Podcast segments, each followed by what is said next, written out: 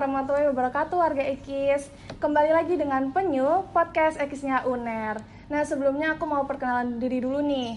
Namaku Nulutfia Kasturi, biasa dipanggil Via Dari Ekonomi Islam Angkatan 2021 Nah, kali ini aku yang akan membawakan episode Penyu untuk sesi ini, Penyu akan mengundang salah satu alumni yang cakep banget nih dari Ekis UNER. Nah, pada penasaran kan? Langsung aja yuk kita perkenalan. Assalamualaikum Mas Irfan. Waalaikumsalam. Gimana nih Mas kabarnya hari ini? Alhamdulillah baik, sehat lah sampai sekarang. Oke, alhamdulillah. Memang di pandemi ini kita harus menjaga protokol lebih ketat lagi kan ya Mas? Hmm, benar.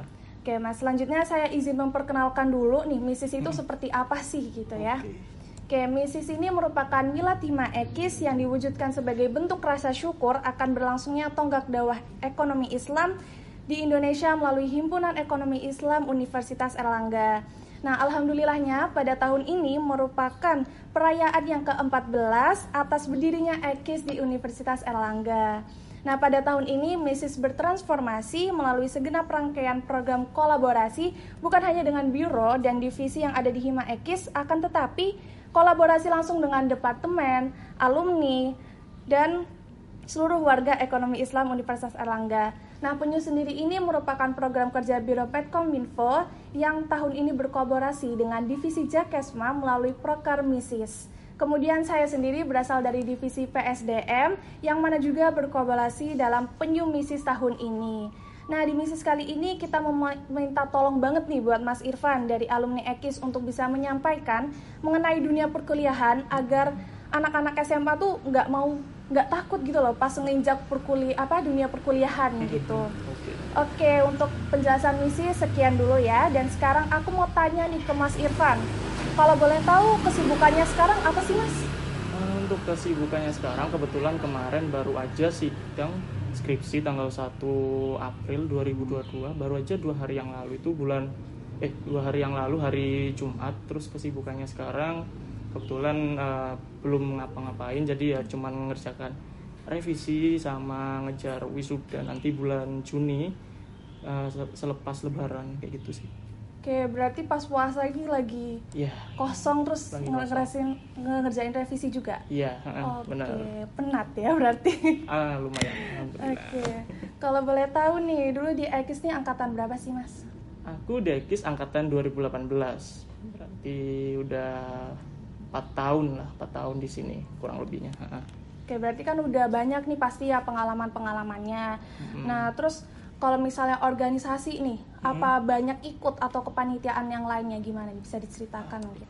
Jadi kalau dulu semasa kuliah aku sempet ikut dua organisasi di kampus. Yang pertama itu pernah ikut di BEM FEB tahun 2019 itu pernah jadi staff di Departemen Hubungan Luar.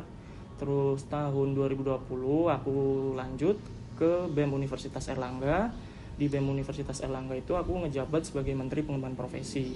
Nah, kalau misal kepanitiaan sendiri, wah itu terlalu banyak sih dari mulai maba sampai yang baru-baru kemarin. Mungkin uh, salah satunya yang pernah aku pegang itu adalah yang di BEM, uh, BEM FEB itu pernah jadi ketua uh, welcome visit, eh, ketua Stukofis, di mana uh, di situ itu adalah program kunjungan ke instansi-instansi sama BEM fakultas di luar UNER.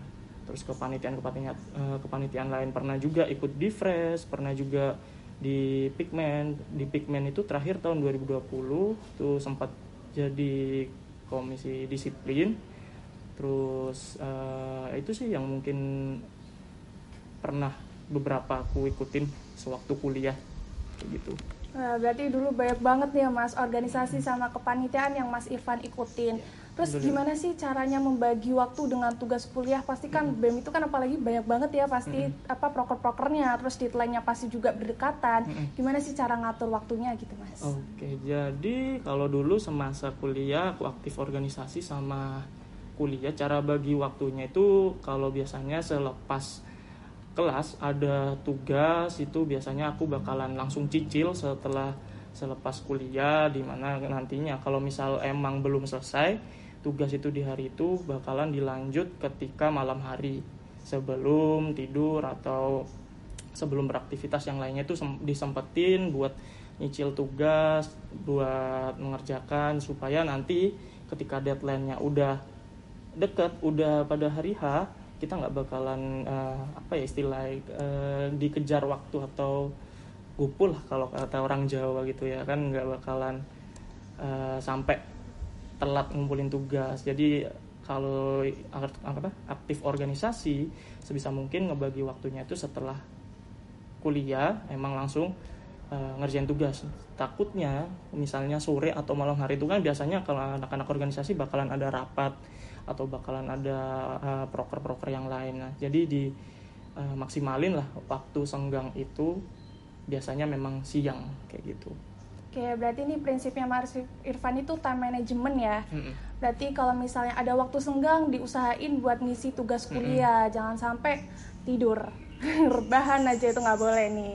Terus kan udah lama juga ya. Mas Irfan 4 kuliah eh 4 tahun kuliah di sini. Mm-hmm. Lalu apa aja sih Mas masa-masa kuliah yang mungkin masih teringat banget nih yang paling terkesan gitu buat Mas Irfan?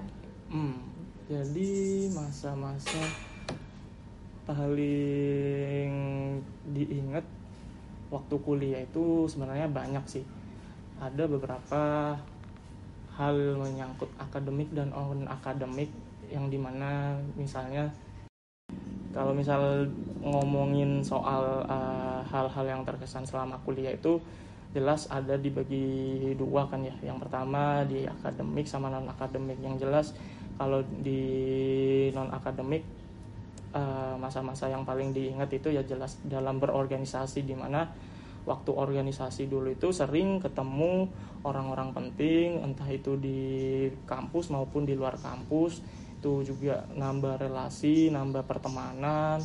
Lalu kalau misalnya di akademik itu ada beberapa hal yang mungkin dapat uh, bisa dibilang membanggakan. Salah satunya itu kemarin baru aja di semester 7 di semester 7 itu alhamdulillahnya kemarin aku sempat keterima uh, salah satu program dari kampus Merdeka yang diadain Kemendikbud. Itu aku lolos di program magang kampus Merdeka di PT Bank Syariah Indonesia itu aku jalaninya selama satu semester. Itu mungkin salah satu hal yang paling membanggakan karena uh, di samping memang uh, apa namanya saingannya banyak buat masuk uh, magang itu karena kurang lebih hampir sama kayak apply kerja itu kita juga bisa mengimplementasiin ilmu-ilmu yang kita dapat waktu kuliah sama kita dapat pengalaman gimana sih nanti dunia kerja gimana sih uh, gambaran orang-orang kerja waktu di perusahaan atau di tempat lain. Itu itu salah satu hal yang mungkin membanggakan secara akademik karena memang di samping itu banyak ilmu yang didapetin dari luar bangku perkuliahan kayak gitu. Itu sih. Oke, ini berarti seru banget ya perkuliahan apalagi semester 7 tadi kan iya, dapat ya, kampus merdeka. Berarti ya, di perkuliahan ini bukan secara akademik doang ya, berarti kita kayak bisa menggunakan ilmu perkuliahan ini nanti untuk di magang maupun di dunia pekerjaan ya, gitu ya Mas ya. Oke, ini Mas, kalau kita cari-cari tahu, mm-hmm. banyak loh Mas kayak teman-teman SMA di luar sana takut buat masuk dunia perkuliahan mm-hmm. karena kesibukan kuliah itu kan banyak banget ya. Mm-hmm terus habis itu ada tuntutan juga buat bisa aktif di organisasi. Mm-hmm. Nah, mungkin iya. Masnya bisa menceritakan gambaran dunia perkuliahan itu seperti apa sih gitu, Mas? Terus kayak mm-hmm. apa benar seperti yang saya katakan tadi gitu? Uh, uh, jadi uh, mungkin kalau emang anak-anak SMA di luar sana mungkin awalnya mikir kalau kuliah itu bakal uh, beda banget sama yang namanya di SMA atau mungkin bakalan shock lah. Ada banyak-banyak perbedaan antara sekolah sama kuliah itu memang benar. Banyak banget perbedaan antara kuliah sama sekolah. Tapi di samping memang perbedaan yang banyak itu jangan dijadiin beban lah itu harus di uh, dijalanin dibikin enjoy aja karena memang uh, sistem perkuliahan sama sistem sekolah itu yang beda. Dulu emang awal masuk kuliah aku juga sempat bingung apa yang namanya itu SKS apa itu yang namanya KRS-an apa itu yang namanya KHS dan lain-lain. Tapi kalau seiring berjalannya waktu itu kalau kita ngikutin kita juga sering tanya sama mungkin kakak tingkat atau mungkin senior senior yang lain itu pasti kita bakalan uh, bisa ngejalanin secara sendirinya itu pasti bakalan bisa. Terus nanti kalau semisal di kuliah takut nggak punya teman takut nggak eh, nggak uh, punya relasi di mana-mana itu juga uh, kita harus jadi mahasiswa itu harus aktif bersosialisasi karena emang kita dituntut buat jadi individu yang lebih dewasa daripada uh, anak sekolah yang sebelumnya itu kan anak SMA itu kita harus dituntut bisa uh, ngobrol sama orang-orang yang ada di sekitar kita kayak gitu jadi okay. jangan takut lah kalau bisa masuk kuliah nah, berarti nggak boleh takut ya hmm. karena seiring berjalannya waktu itu juga nanti semua dunia perkuliahan akan apa ya kayak enjoy untuk diri kita hmm. sendiri gitu hmm. nah kan kayak gitu ya gambaran dunia perkuliahan dari Mas Irfan sekarang nih kan lagi penerimaan mahasiswa baru ya mas mm-hmm. dan kita lihat-lihat juga teman-teman SMA termasuk saya sendiri juga sih waktu itu yang pas mm-hmm. jadi mahasiswa baru pas masuk dunia perkuliahan itu kultur shock gitu mm-hmm. terus gimana sih mas ada tips and triknya nggak untuk persiapan jadi seorang mahasiswa atau mahasiswi gitu oke mm, oke okay, okay. uh, persiapan buat jadi mahasiswa mahasiswi mungkin kalau misal emang udah dinyatakan diterima di perguruan tinggi yang diminati di program studi yang emang udah direncanakan ketika nanti emang udah dinyatakan masuk eh, langkah pertama itu yang jelas kita kalau bisa cari salah satu kontak alumni dari sekolah dari SMA kita atau kalau memang belum ada ya langsung aja kita cari kontak kakak tingkat di jurusan kita yang ada itu. Nanti kita bisa tanya-tanya seputar dunia perkuliahan mulai dari yang paling awal itu mungkin registrasi registrasi ulang ya regis ulang atau mungkin persiapan ospek bahkan sampai kuliah jadi persiapan pertama itu memang kita harus tanya ke kakak tingkat kayak, kayak gitu untuk persiapan awalnya Oke, jadi banyak-banyak bertanya, banyak-banyak bertanya lah ya mm -hmm. intinya. Mm -hmm. Oke, nah untuk perkuliahan sendiri nih Mas, mm-hmm. harus jadi mahasiswa seperti apakah di kampus ini? Apakah kupu-kupu ataukah harus aktif organisasi banget atau gimana menurut Mas Ivan? Oh, kalau misal uh, pertanyaan seperti itu itu uh, balik lagi ke individu masing-masing sih. Gimana kita uh, menyikapi diri kita sendiri itu minatnya di mana? Kalau memang uh, kita minat di bidang organisasi untuk pengembangan diri, untuk kepemimpinan itu nggak salah memang kita uh, masuk ke dunia organisasi untuk mengembangkan soft skill kita di mana soft skill itu bakalan berguna buat nanti setelah kita lulus kuliah kita uh, bekerja kita berwirausaha kayak gitu. Itu memang uh, cukup penting untuk organisasi. Kalaupun memang misal uh, kita nggak minat di organisasi kita juga bisa mungkin kalau misal melakukan usaha itu juga nggak kalah bagus. Kalau kalau misal memang nggak minat di organisasi kita bisa mulai ngerintis usaha kita bisa mulai uh, membuka lowongan kerja kecil-kecilan mungkin dari merintis usaha itu buat orang-orang yang memang membutuhkan pekerjaan. Itu juga bisa dijadikan soft skill selain organisasi untuk uh, selama masa kuliah sampai setelah lulus kuliah. Jadi nggak harus jadi mahasiswa organisatoris di kampus. Itu balik lagi ke kepribadian kita masing-masing. Tapi kalau kalau bisa memang jangan menjadi mahasiswa kupu-kupu atau kuliah pulang kuliah pulang. Karena ketika nanti setelah lulus kuliah eh, dunia sesungguhnya itu atau dunia nyata itu nggak hanya sekedar nilai atau ijazah yang kita bawa dari kampus ini. Kayak gitu Oke, berarti ini bisa diambil tarik kesimpulan ya. Berarti nggak boleh jadi kupu-kupu, nggak boleh juga kayak terlalu aktif. Maksudnya gimana ya? Kayak intinya itu kita boleh ikut organisasi, cuman kita juga harus menguji soft skill kita di luar kampus gitu ya, mas ya, dengan berjualan tadi atau berwirausaha gitu. Nah, tadi kan udah dilihat nih dari riwayat Mas Irfan termasuk mahasiswa yang aktif juga di organisasi. Mungkin bisa diberikan tips dan menceritakan dulu Mas apa aja sih hal yang harus dipersiapkan kalau misalnya mau menimbang mau menambah kesibukan di organisasi jadi kayak menimbangkan apa aja gitu kalau mau menambah kesibukannya gitu. oh, oke okay.